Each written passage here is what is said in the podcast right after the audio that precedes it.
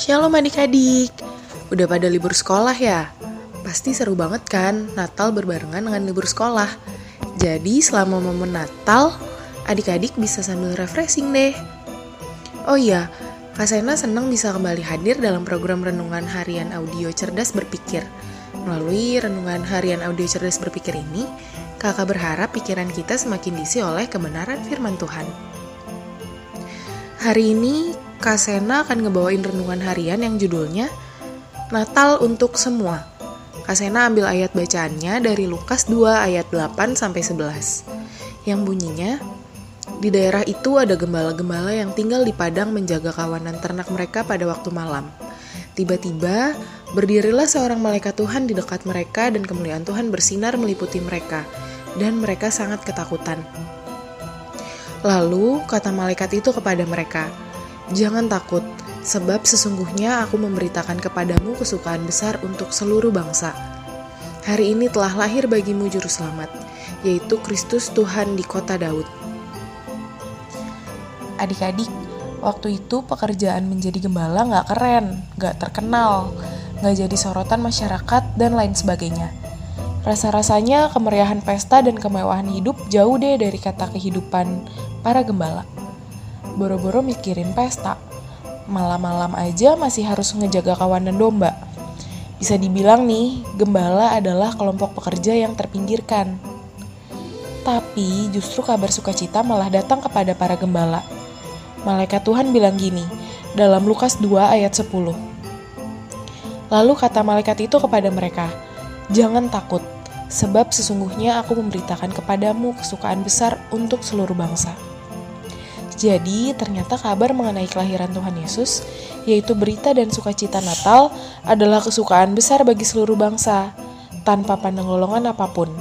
Perkataan yang disampaikan malaikat Tuhan tersebut bukan hanya untuk para gembala, tapi juga untuk kita, dan sedapat-dapatnya untuk semua orang dari masa ke masa. Jadi, perihal golongan atau kelompok bukanlah menjadi masalah. Semua orang bisa mendapat sukacita Natal Gak peduli status sosialnya apa, sukunya apa, dan agamanya apa. Ya, dengan kita membagi sukacita Natal kepada orang yang memiliki keyakinan yang gak sama kayak kita, bukan berarti kita mengkristenkan orang itu kan. Kita hanya berbagi sukacita aja. Cuma, memang kita harus hati-hati dalam membagikan sukacita Natal kepada orang yang tidak berkeyakinan yang sama dengan kita. By the way, ternyata kebiasaan membagi sukacita Natal udah ada sejak dulu loh di negara kita. Misalnya, beberapa keluarga membagi-bagikan kue dan bingkisan kepada tetangga. Bahkan ada yang sampai mengadakan acara open house loh.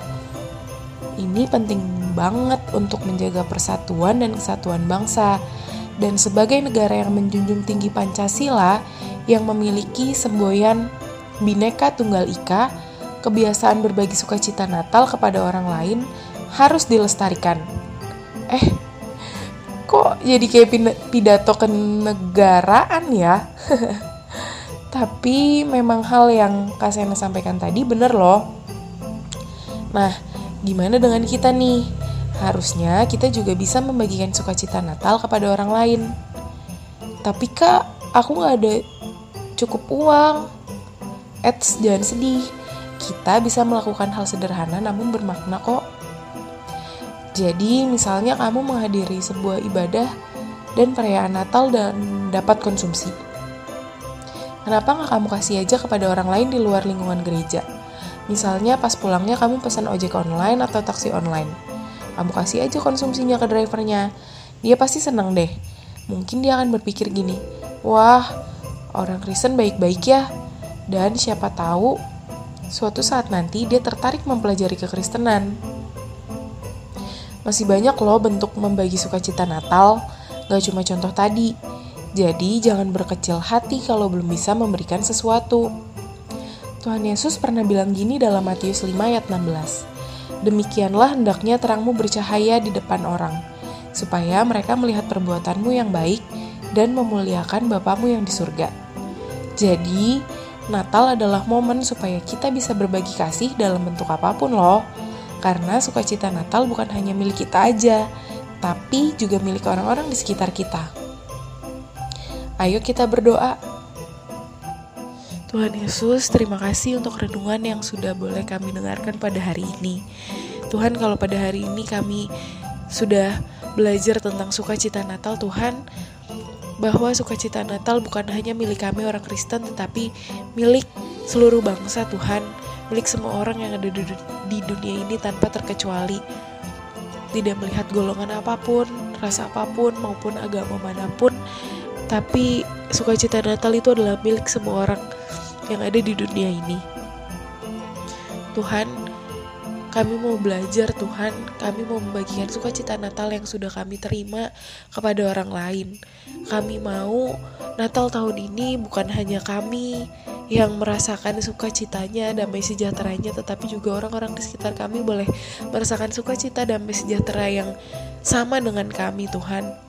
Tuhan, kami mau belajar uh, memberikan dimulai dari yang sederhana yang kami punya untuk orang-orang di sekitar kami. Biarlah kami semakin hari boleh semakin menjadi terang, semakin menjadi berkat bagi orang-orang di sekitar kami. Terima kasih Tuhan, terima kasih Inilah doa yang jauh daripada sempurna yang kami alaskan di dalam namamu Tuhan Yesus Kristus. Dalam nama Tuhan Yesus kami berdoa dan mengucap syukur. Haleluya. Amin. Oke, tetap sehat, tetap semangat, tetap jadi berkat. Kue bantal di dalam gelas, kue sus di dalam peti. Selamat Natal 2019. Tuhan Yesus memberkati. Dadah.